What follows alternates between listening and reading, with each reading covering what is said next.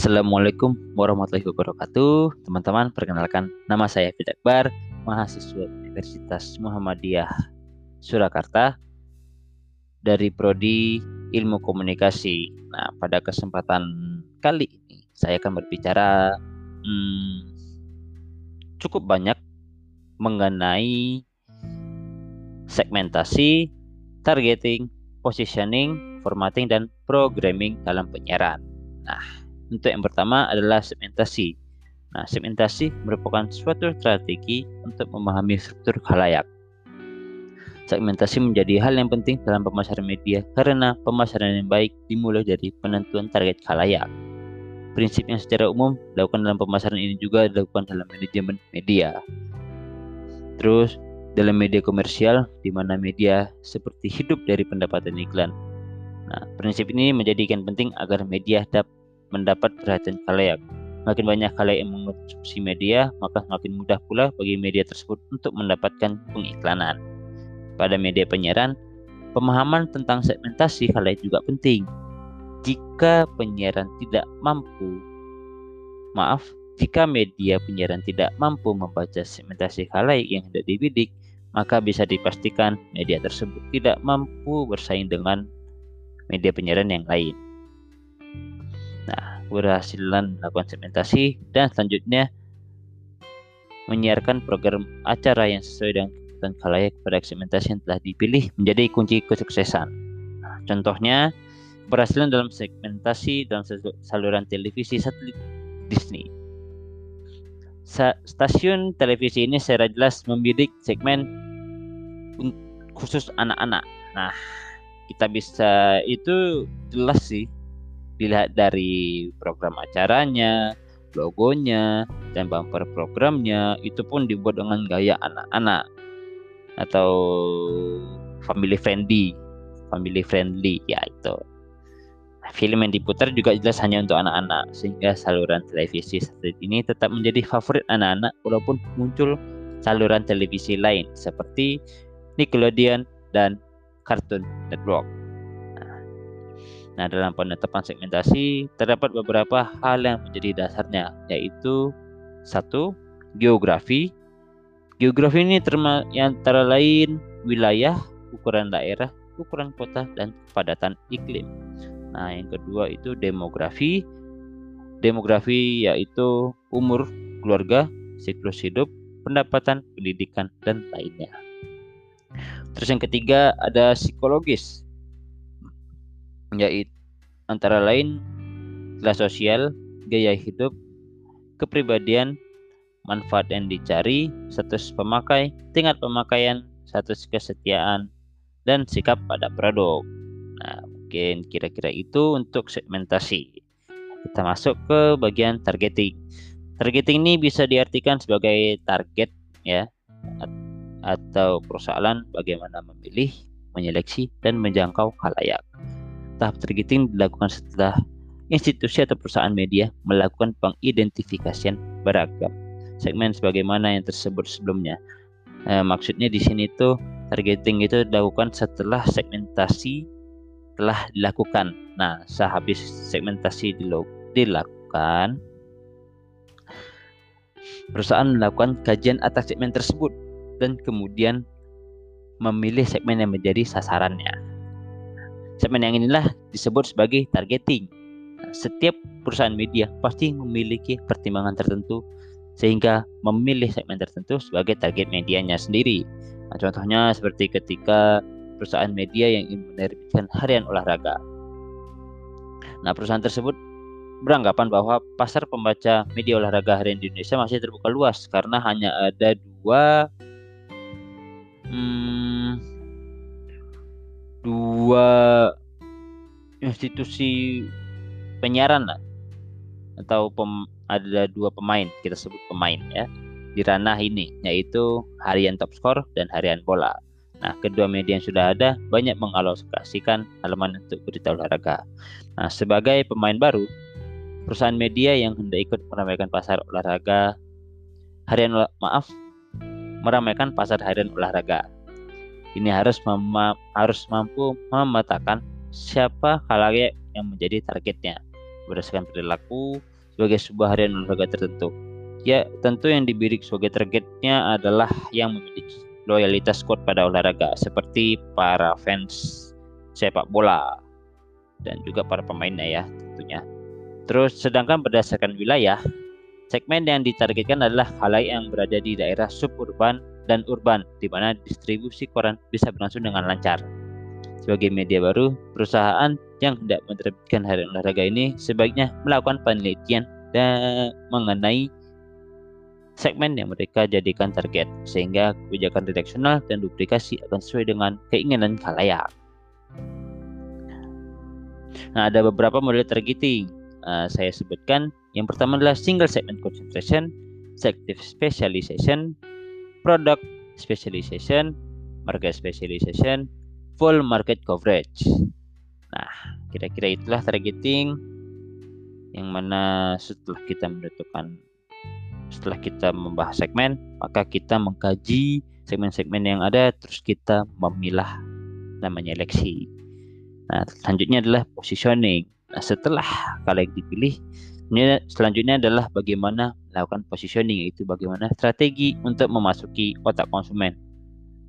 Ya, bukan yang seperti itu, tapi dalam konteks media. Contohnya itu seperti MTV. Siapa siapa yang nggak tahu MTV kan? Saluran legendaris Nah, NTV ini sebuah saluran televisi satelit yang juga disiarkan melalui terrestrial Global TV. Nah, stasiun televisi secara khusus hanya menyiarkan video klip ini menjadi akun favorit bagi bagi anak bagi banyak anak muda di masanya. Nah, produk-produk turunan yang menggunakan ikon MTV seperti t-shirt dengan mudah ditemui di berbagai pusat perbelanjaan. MTV diposisikan oleh kalayak di masanya sebagai representasi dari anak muda yang gaul. Padahal ya saluran televisi khusus musik bukan MTV doang ya. Eh, selain TV ada juga channel V, CM. Nah, namun MTV dilihat berbeda dengan khalayak di masanya karena dianggap lebih mewakili semangat anak muda. Eh, MTV itu Nah, positioning merujuk pada citra yang terbentuk di benak khalayak dari merek media tertentu ketika menyebut TV yang dianggap lebih mewakili anak muda di masanya sebenarnya tidak langsung klaim terwakilkan oleh MTV atas anak muda ini membedakan MTV dengan saluran dengan saluran televisi musik yang lain. Dengan demikian dalam positioning selalu terjadi proses di mana kalaik melihat merek media tertentu yang membedakannya dengan produk pesaing. Nah, citra yang melekat pada merek dalam positioning itu disebut sebagai brand image atau citra citra merek ya. Nah, menciptakan perbedaan atas media lain dan sekaligus membangun manfaat media bagi kalayak menjadi dua konsep penting dalam positioning media. Nah, untuk menciptakan perbedaan dengan media lain, perusahaan media dapat melakukan riset pada merek media yang sudah ada serta merek media yang dimungkinkan akan eksis. Nah, kredibilitas media menjadi hal yang paling penting dalam positioning. Nah, kalayak yang semakin aktif akan lebih selektif dalam proses pemilihan media dibandingkan kalayak yang pasif. Nah, untuk itu perusahaan media harus membangun kredibilitasnya pada kalayak agar tertanam pada pikiran kalayak mengenai citra positif dari merek media. Kredibilitas media bisa dibangun dengan pengemasan ini ini media secara profesional. Jaminan, jaminan atas tersedianya akses media dan layanan media pada kalayak. Positioning dengan demikian tepat dimaknai de, memiliki tujuan untuk mengakuisisi satu kata yang menjadi ranking dari produk tertentu dalam pikiran khalayak. Penyataan positioning menjadi penting sebagai bagian dalam merebut hati konsumen, di mana pernyataan tersebut berupa kata-kata yang mewakili citra yang hendak dibentuk dalam benak konsumen. Nah, selanjutnya ada formatting formatting yaitu bentuk acara yang disesuaikan dengan positioning dan segmentasi. Nah, formatting adalah penetapan format siaran yang sekaligus menjadi identitas yang merupakan image untuk membedakan radio siaran satu dan yang lainnya. Identitas atau image yang dimiliki ini akan menentukan pula positioning yang dijalankan stasiun radio. Nah, formatting diwujudkan dalam bentuk prinsip dasar tentang apa untuk siapa dan bagaimana sebuah siaran dikomunikasikan kepada pendengar. Menurut Lewis B. O'Donnell, dalam Mas Duki, terbitan 2004, halaman 43, format stasiun lebih baik dari sekedar musik. Ia juga melingkupi produksi siaran, personalitas siaran, dan program siaran. Dalam sudut pandang pemasaran, format stasiun adalah penempatan posisi radio untuk membidik membidik pendengar.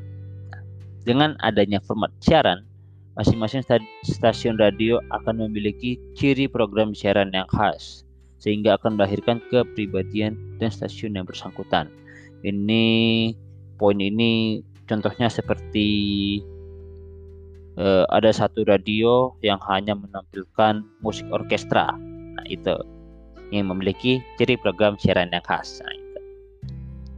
Melalui program siaran akan terbangun dalam benak pendengar citra dari sebuah stasiun radio siaran. Dalam hal ini akan membangun jalinan kesetiaan antara pendengar dan stasiun itu apabila ada kesesuaian antara citra stasiun dengan selera dan kecenderungan pendengar.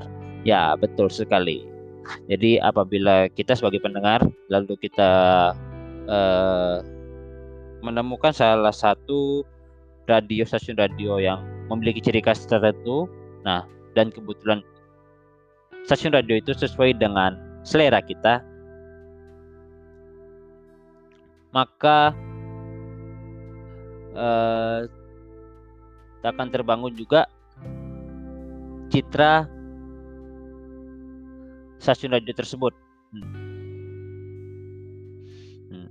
Tujuan formatting adalah untuk memenuhi sasaran halayak secara spesifik dan untuk kesiapan berkompetisi dengan radio lain di suatu lokasi siaran. Nah, selanjutnya kita ke bagian akhir yaitu programming. Program dapat dianalogikan dengan produk atau barang. Nah, atau pula pelayanan yang dijual kepada pihak lain yang dijual yang dijual kepada pihak lain. Maaf. Dalam hal ini audien dan pemasang iklan program adalah produk yang dibutuhkan orang sehingga bersedia mengikutinya. Program yang baik akan mendapatkan pendengar yang lebih besar, sedangkan acara yang buruk tidak akan mendapatkan penonton. Uh, ini seperti ini mengingatkan saya ya pada salah satu program televisi ya, rumah hmm, rumah Uya. Nah, itu tuh banyak yang bilang bahwa program itu adalah buruk Nah, makanya kenapa eh, susah mendapatkan penonton. Lain pula dengan My Trip My Adventure karena itu sesuai dengan selera kebanyakan orang yaitu petualangan. Nah, lanjut pemrograman memainkan peranan yang sangat penting di stasiun radio ataupun di perusahaan penyiaran. Format stasiun radio dapat menjadi ciri radio yang bersangkutan Secara langsung, format radio akan menentukan kalayaknya. Format stasiun akan dijabarkan melalui program-program acara siaran. Penentuan format program siaran didasari pada segmen kalayak. Nah, dengan sasaran yang jelas akan memungkinkan acara lebih terarah dan menarik sehingga akan memiliki nilai jual yang lebih tinggi. Rangkaian acara yang menarik akan diformulasikan ke dalam program yang meliputi waktu pagi, siang, sore, dan malam, bahkan dini hari. Nah, program tersebut merupakan suatu rangkaian dikemas dalam satu format.